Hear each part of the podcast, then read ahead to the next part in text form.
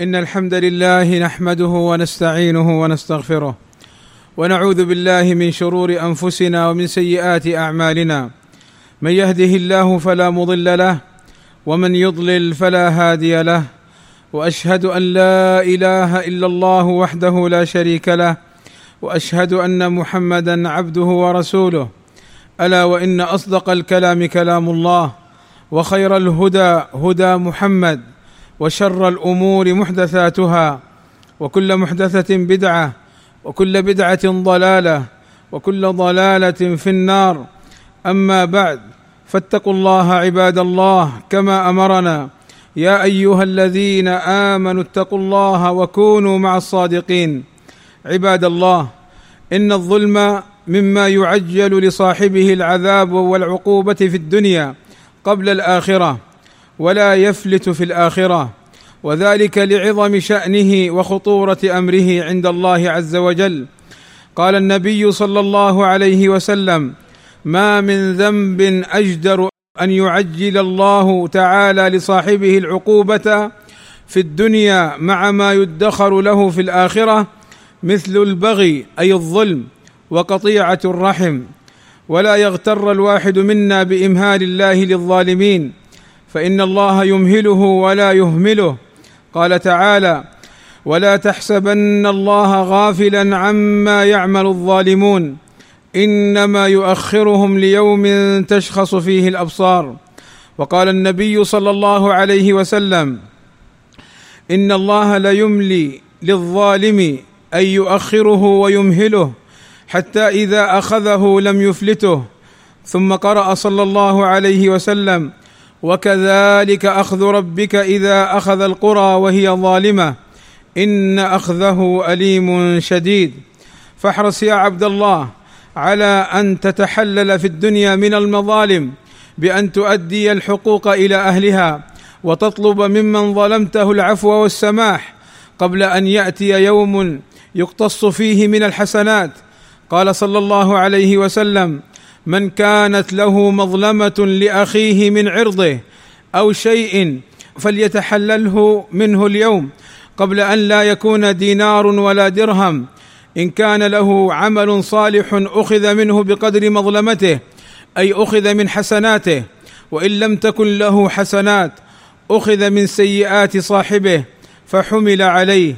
أيها المسلمون إن للظلم عواقب وخيمة. ومفاسد جسيمة فمن عواقبه أن الظالم متوعد بالعذاب ولا يفلح. قال تعالى إنه لا يفلح الظالمون. وقال ميمون بن مهران في قول الله عز وجل ولا تحسبن الله غافلا عما يعمل الظالمون. قال فيه تعزية للمظلوم ووعيد للظالم.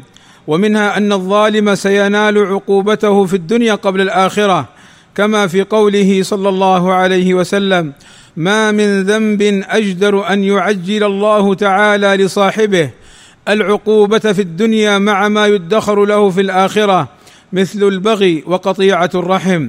ومنها أن الظلم سبب المصائب الدنيا من أوجاع وأسقام وفقر.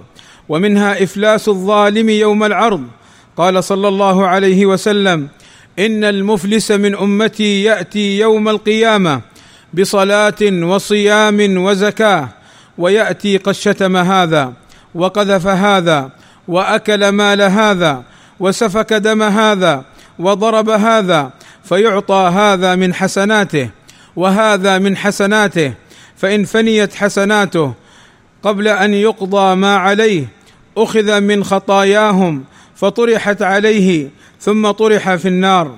ويمكن علاج الظلم بالأمور التالية. اولا بتقوى الله عز وجل والخوف منه ومراقبته سبحانه وتعالى وأن يستشعر العبد أنه محاسب ومسؤول عند الله عز وجل وأن ما يعمله في الدنيا انفلت من كلام الناس ومن مؤاخذة الناس. فلن يفلت من عذاب الله عز وجل. ثانيا التواضع. قال النبي صلى الله عليه وسلم قال الله عز وجل أي في الحديث القدسي إن الله أوحى إلي أن تواضعوا حتى لا يفخر أحد على أحد ولا يبغي أحد على أحد لأن الكبر والعجب بالنفس يؤدي إلى ظلم الناس واحتقارهم. فتواضع يا عبد الله. وثالثا التخلص من الحسد لأن الحسد سبب رئيس للوقوع في الظلم. ورابعا العدل. قال الله عز وجل إن الله يأمر بالعدل والإحسان وإيتاء ذي القربى وينهى عن الفحشاء والمنكر والبغي. يعظكم لعلكم تذكرون. فتعدل مع الناس ولو مع نفسك. فتنصف نفسك وتنصف الناس. فلا تقع في الظلم. خامسا معرفة ما جاء في القرآن والسنة من الترهيب من الظلم. سادسا التوجه إلى الله بالدعاء الصادق أن يخلصه من هذا المرض. وقد مر معنا أن النبي صلى الله عليه وسلم كان يستعيذ بالله من الظلم فكان يقول عليه الصلاة والسلام اللهم إني أعوذ بك أن أزل أو أزل أو أظلم أو أظلم. فتوجه يا عبد الله بالدعاء الخالص لله عز وجل أن يخلصك من الظلم فهو مرض يفسد القلوب. سابعا التحلل من المظالم في الدنيا قبل فوات الأوان. ثامنا محاسبة النفس في أعمالها. تاسعا محاولة إزالة الظلم ولو بتقليله. قال أهل العلم كما يجب إزالة الظلم يجب تقليله عند العجز عن إزالته. فهذا أصل عظيم. والله أسأل لي ولكم التوفيق والسداد وأن يغفر لنا الذنوب والآثام. إنه سميع مجيب الدعاء.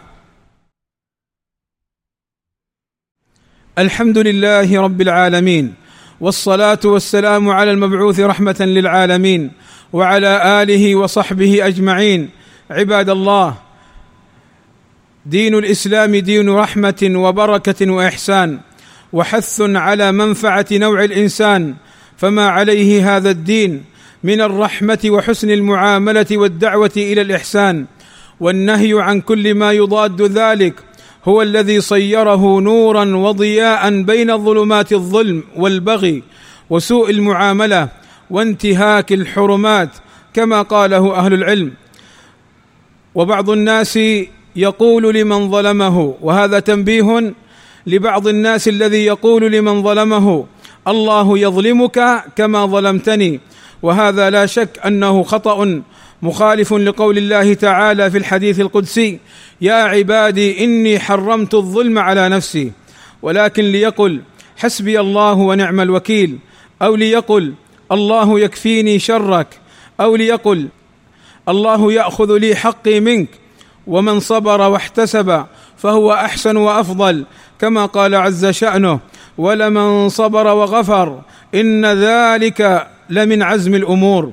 وأنبه على حديث ضعيف لا يصح عن النبي صلى الله عليه وسلم أنه قال إذا رأيتم أمتي تهاب الظالم أن تقول له إنك أنت ظالم فقد تودع منهم.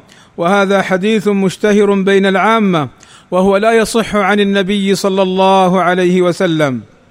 اللهم وفقنا للعلم النافع والعمل الصالح واتباع سنة نبينا محمد صلى الله عليه وسلم. اللهم اغفر للمسلمين والمسلمات والمؤمنين والمؤمنات الأحياء منهم والأموات. اللهم إنا نسألك الهدى والتقى والعفاف والغنى. اللهم آتنا في الدنيا حسنة وفي الآخرة حسنة وقنا عذاب النار. اللهم وفق ولي أمرنا لما تحبه وترضاه. وأصلح اللهم به العباد والبلاد واحفظه اللهم من كل سوء والحمد لله رب العالمين وصلى الله وسلم على نبينا محمد وعلى آله وصحبه أجمعين